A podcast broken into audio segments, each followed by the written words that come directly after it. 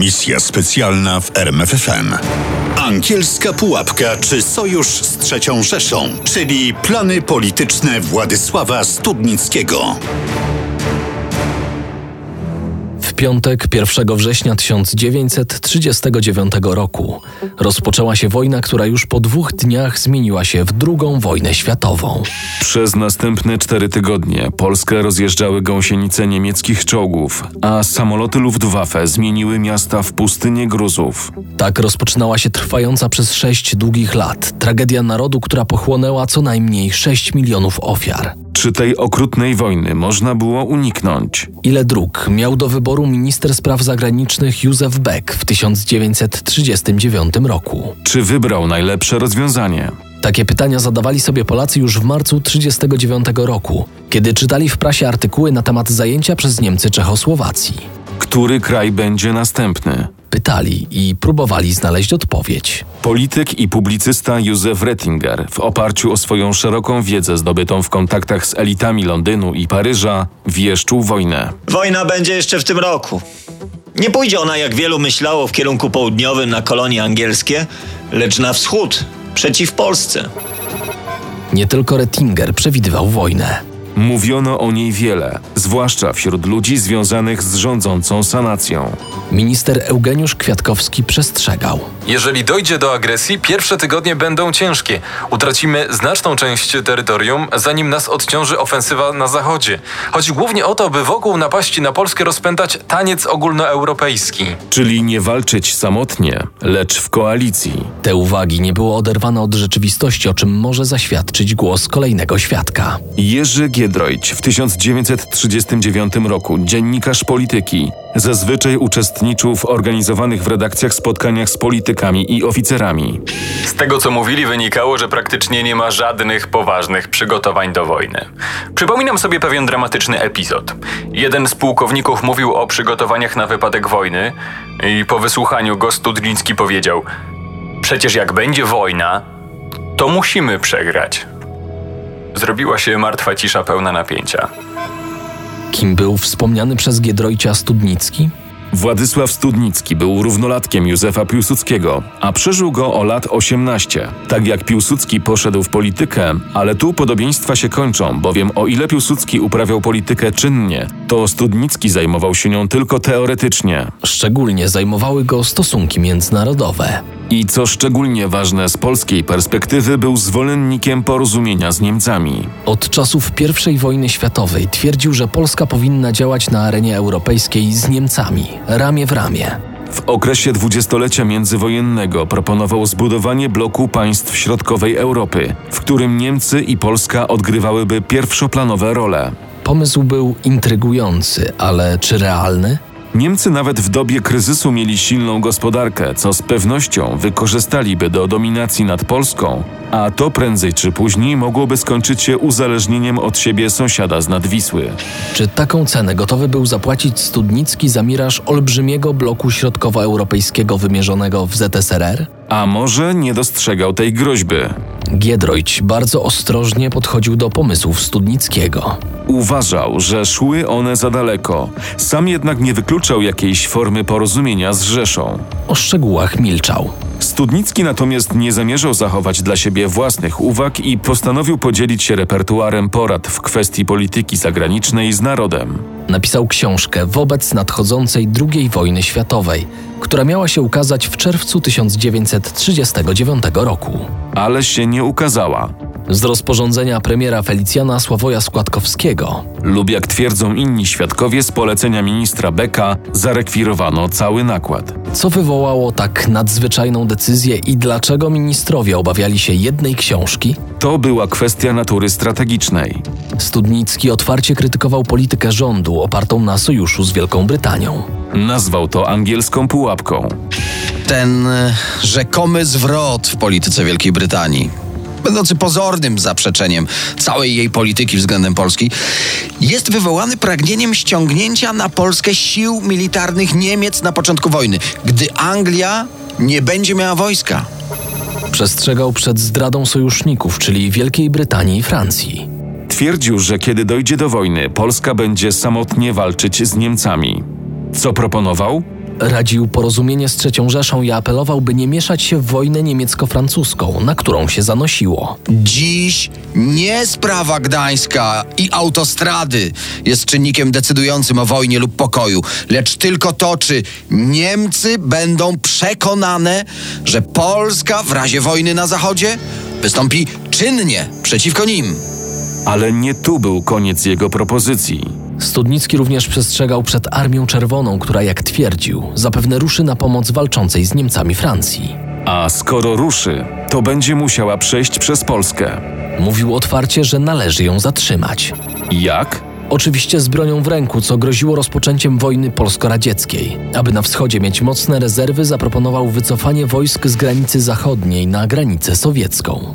Nie zauważał jednak, że to z kolei mogło przekreślić neutralność w wojnie niemiecko-francuskiej, która wraz z włączeniem się do niej Związku Radzieckiego i Polski zmieniłaby się w wojnę ogólnoeuropejską. Dziś już wiemy, że część prognoz Studnickiego się sprawdziła. Wojnę w 1939 roku musieliśmy toczyć sami, bez wsparcia francuskiej armii i brytyjskiej floty. Czy jednak to czyni ze Studnickiego politycznego wizjonera i odsuniętego na margines przez rząd Rzeczypospolitej potencjalnego wybawcę narodu polskiego przed okrucieństwem wojny? Beck nie traktował Studnickiego poważnie, co wobec propozycji wycofania dywizji z nadgranicy niemieckiej nie powinno dziwić. Nie dziwi tym bardziej w kontekście takiego oto fragmentu napisanego przez Studnickiego, jak najbardziej na serio na stronach zarekwirowanej książki. Światowe żydostwo pragnie wojny. Pracuje dla wojny, mając olbrzymie wpływy w dwóch państwach anglosaskich Stanach Zjednoczonych i Wielkiej Brytanii. Nowa wojna światowa rozstrzygnie losy Żydów. Gdy inne narody mają dużo do stracenia, to Żydzi dużo do wygrania. Wszyscy znamy los Żydów w czasie II wojny światowej. Historycy nie zaliczają Beka do orłów dyplomacji. Być może przygotowanie teoretyczne miał nawet gorsze niż Studnicki, ale w odróżnieniu od Studnickiego politykę budował na realnych podstawach umów międzynarodowych oraz meldunkach wywiadu wojskowego i wywiadu MSZ. A te pokazywały nieuchronność wojny. Na początku sierpnia 1939 było już jasne, że jesteśmy tuż przed wojną z Niemcami.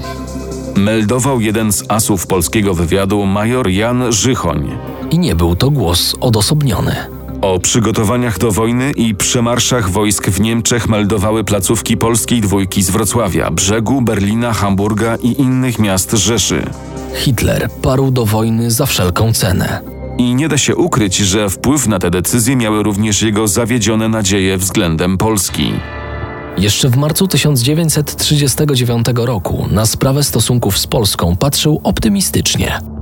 Beck zgodzi się na przedstawione mu warunki i Polska zostanie naszym sojusznikiem. Porozumienie z Warszawą istnieć będzie tak długo, jak długo wymagać będzie tego interes Berlina. Hitler potrzebował polskiego sojusznika do osłony Rzeszy przed ZSRR, kiedy sam będzie rozprawiał się z Francją. Potem Polska powinna być tak rozgromiona, aby w ciągu najbliższych dziesięcioleci nie trzeba było brać jej w rachubę jako czynnika politycznego. To właśnie w tych gorących dniach marca, kiedy Hitler wypowiadał przytoczone właśnie słowa, kiedy sięgał po Czechy i litewską Kłajpedę, starania Polski o sojusz z Wielką Brytanią nabrały tempa. Włączenie Kłajpedy do Niemiec Studnicki nazwał błędem politycznym Rzeszy. Zastanawiał się, czy ten ruch nie przestraszył innych państw Europy Centralnej, które w obawie przed agresją Rzeszy schronią się pod skrzydła Wielkiej Brytanii. Być może miał rację. Dzień po aneksji Kłajpedy polski ambasador w Londynie Edward Raczyński przekazywał brytyjskiemu ministrowi spraw zagranicznych propozycję Becka, tajną umowę o wzajemnej pomocy w przypadku napaści Niemiec na jedno z tych dwóch państw. Po kilku dniach analiz, rozmów i konsultacji, premier Chamberlain postanowił przyjąć propozycję Becka i włączyć Polskę do sojuszu brytyjsko-francuskiego.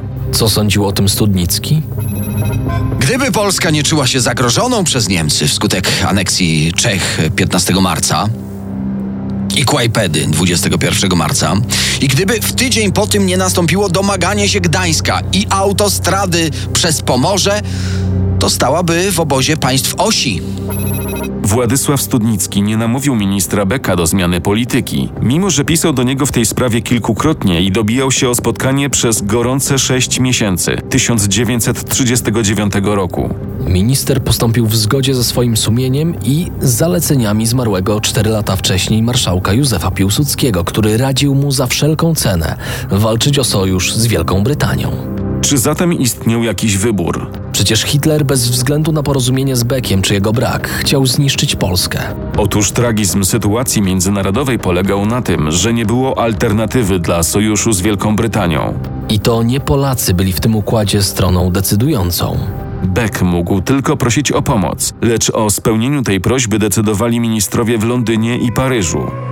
A oni nie palili się do nowej wojny, o czym najlepiej świadczy plan włączenia do tego układu trzeciego czynnika Armii Czerwonej. Józef Stalin nie miał nic przeciwko udzieleniu pomocy Polsce. ale żądał od Warszawy oficjalnej prośby o pomoc, a zarazem zgody na wejście swoich dywizji na tereny Rzeczypospolitej.